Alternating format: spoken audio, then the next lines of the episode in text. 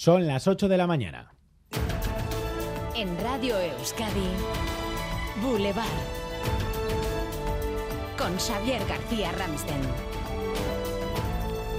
¿Qué tal, Egunon? Euskadi se resiste a quitarse la mascarilla en el transporte. 33 meses después, casi tres años después, desde hoy esa mascarilla deja de ser obligatoria en este entorno, en el transporte. Pero eh, Natalia Díaz, llevas toda la mañana por distintos medios. ¿Qué fotografías te estás encontrando?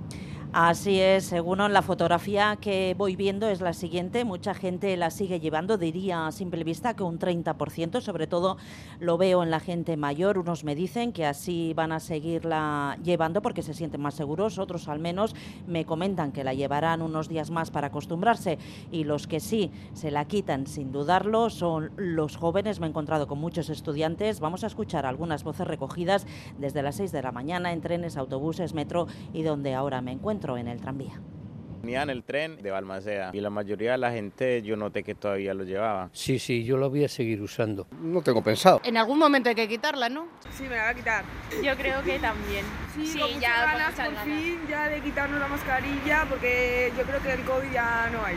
Enseguida volvemos en directo a montarnos en ese tranvía. Recordamos, la mascarilla ya solo es obligatoria en centros sanitarios, farmacias y para trabajadores y visitas en las residencias de personas mayores.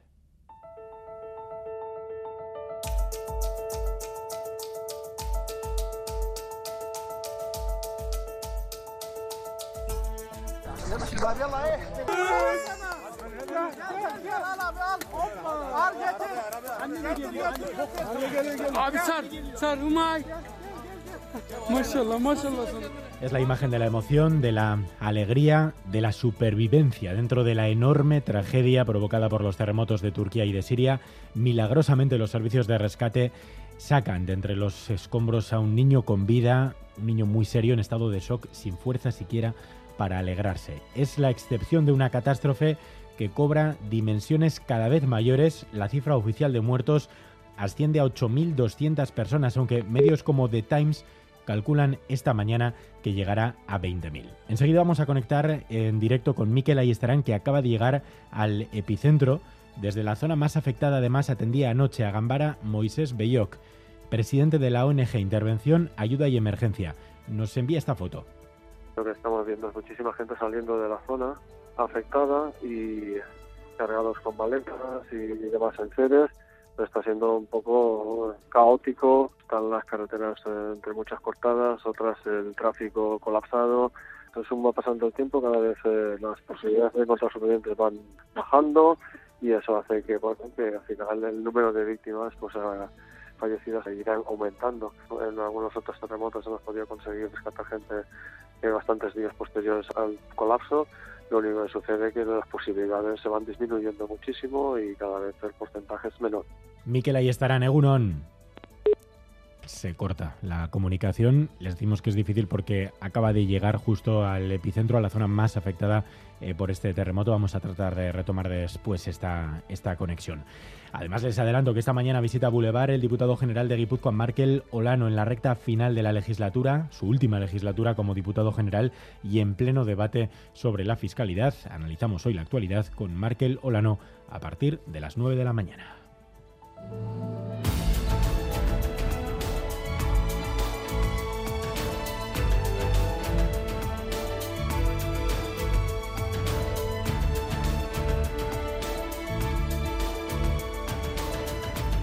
Repasamos antes otras noticias con Leire García. Uno, Leire. Uno, Xavier. Secretaria de Estado de Igualdad critica en Gambara de Radio Euskadi la posición del Partido Socialista en torno a la ley del solo sí es sí. Ángela Rodríguez Pan considera que el Partido Socialista se ve arrastrado por el Partido Popular.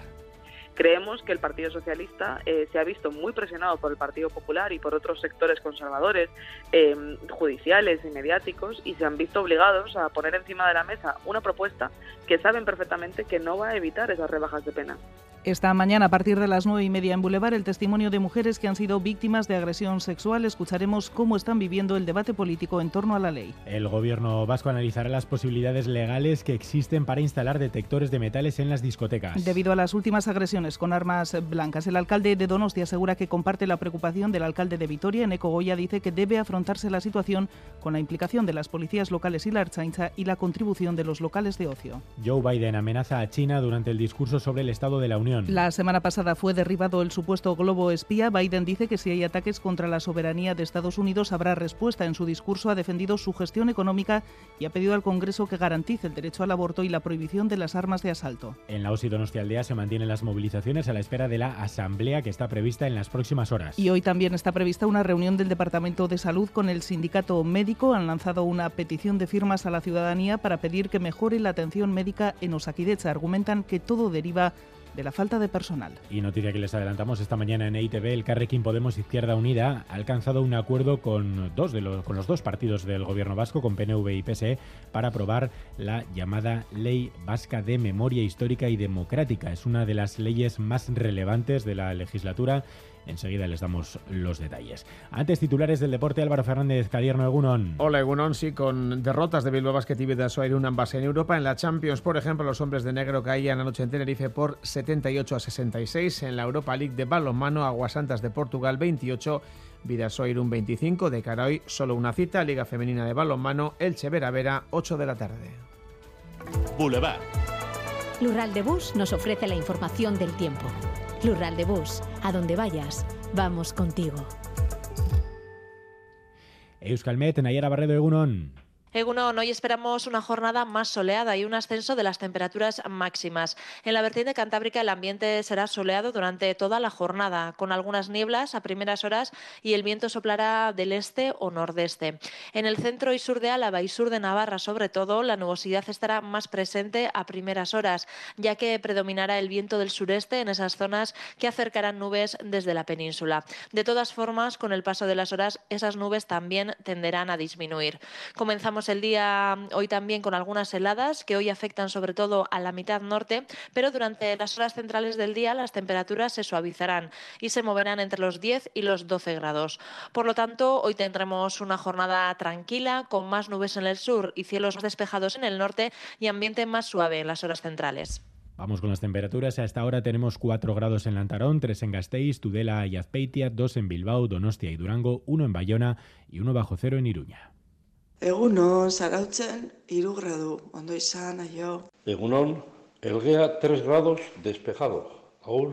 Egunon, en Izal 4 grados bajo cero. Aupa, Egunon, es esto 6 grados. Aur. a 4 grados, Egunon pasa.